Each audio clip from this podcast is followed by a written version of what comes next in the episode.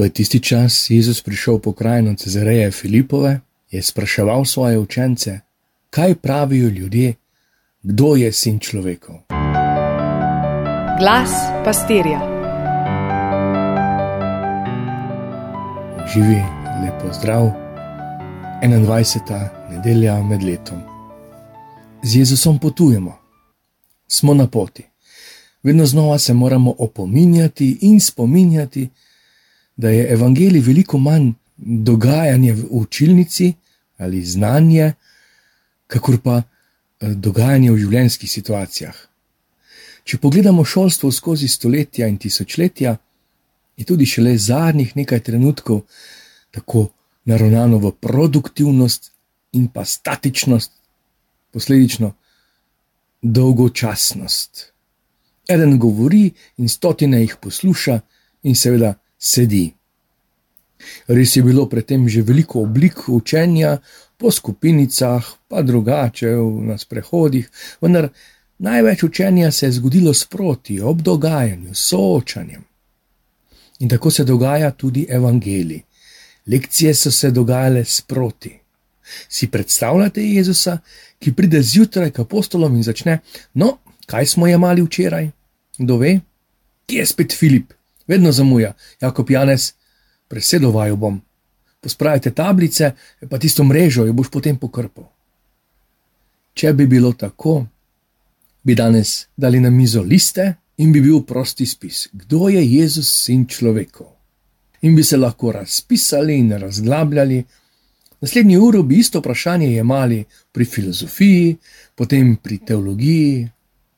Lahko smo načitani, naučeni, vseeno pa na koncu ostane to isto vprašanje še ob izhodu iz učilnice. Ko sem test oddal in odhajam domov, na vratih učilnice me ostavi gospodov pogled in mi pravi: Dobro si pisal, Simon, dobro, vidim, da si poslušal, vse veš, vse veš, kaj drugi o meni govorijo. In kaj pa ti? Kaj, kaj pa jaz? No, kaj pa ti praviš, kdo sem? Kdo sem za te? Nekaj let nazaj sem ob devetdnevnici pred Birmo imel srečanje za starše mladostnikov. Pogovarjali smo se o, tudi o osebni odločitvi. No, bolje o tem sem razmišljal, pripravil sem katehezo, oni pa so poslušali. Torej, statično učenje o osebni odločitvi za Boga. Kako je nujno potrebno, da se starši odločajo za otroka, hkrati pa pripravljajo otroka, da sodeluje s to njihovo odločitvijo in da vedno bolj svobodno in srcem tudi oni vstopajo v to odločitev, naj bo to o poklicu, o dojemanju življenja kot vere v Boga. Potem smo imeli še en del skupnega srečanja. Mladim sem povedal, o čem smo se pogovarjali s starši, in jim na malo drugačen način povedal, da se zavedamo, da gredo k Birmi večinoma zaradi staršev. Ko sem jim o tem odkrito odgovoril, jih nagovoril, so se v večini strinjali itek ne bi šel v Birmi, že zaradi maš, pa veruka ne, če ne bi starši ustrajali. Je kdo komentiral. Povedali so na glas, tudi drugi. Na to sem tudi računal. Razložil sem jim, da so na tak način prejeli tudi krst. Starši so se za to odločili. In kateri jezik bodo govorili, in da bodo recimo cepljeni, ko so bili še dojenčki, in kako jim bo ime, Starši, ki jih imajo radi, so se odločali za nje. Tu so se kar strinjali, in ko sem nadaljeval, sem jim rekel: Zato smo se danes starši odgovorili tudi za naprej. V kratkem se bosta starša doma posvetovala zaradi različnih razlogov, ki se dogajajo v svetu, in bodo starši prišli povedati, s kom se bo njihov otrok čez nekaj let poročil. Najprej so neverno gledali, potem pa vedno bolj zaskrbljeno.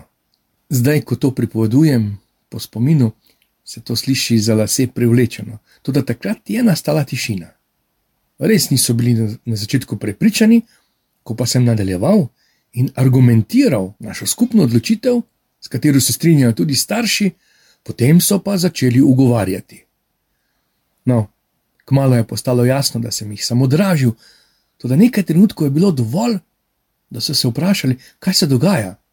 Zakaj bi me mama in ata poročila kar z nekom? Eno dekle je reklo: Poročila se bom s tistim, ki ga bom jaz imela rada in on mene. In na to sem računal, to sem čakal. Ja, res. In postavil sem vprašanje. Torej, tudi v Birmo čez nekaj dni vstopate, ker vi imate radi Jezusa. Ne ker starši tako želijo, ali ker starši, samo starši tako želijo. Razumljivo je, da ima otrok vero staršev. Tudi mladostnik se začne osamosvajati in postavljati na lastne noge. Ne moli več samo molitvice svoje bice, pa mame in župnika. In prav žalostno je, ko srečaš odraslega, ki še vedno nima osebne vere, pač pa vero svojih že ostarelih staršev, če jih ima. Manjka samo še ta del. Kaj pa ti praviš, kdo sem? Kdo sem jaz zate? Danes Peter izpove vero. In zgleda, kot da je to vprašanje padlo iz neba. Ampak saj smo prejšnjo nedeljo bili z Jezusom, ki je čudežno ozdravil hčerko kananske žene in šel mes je ozdravljal, pa nasitil 4000 ljudi, pa prej hodil po vodi in tik predtem nasitil 5000 ljudi. Sami veliki čudeži in znamenja. Kdo je on?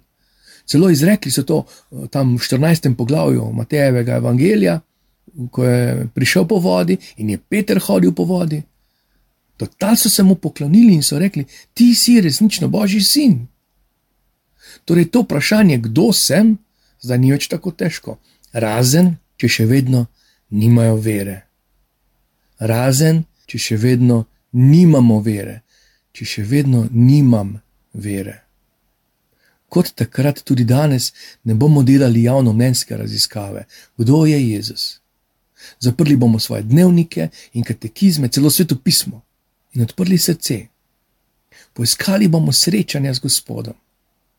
Zdaj vidim, Gospod, da si tisti, ki me držiš po konci, ti si tisti, ki me poživljaš, ti me dvigaš, ti mi prenašaš upanje, ti si sonce mojega življenja, ti si izvor vsega dobrega, ti si alfa in omega vsega, kar je okoli mene in mene samega.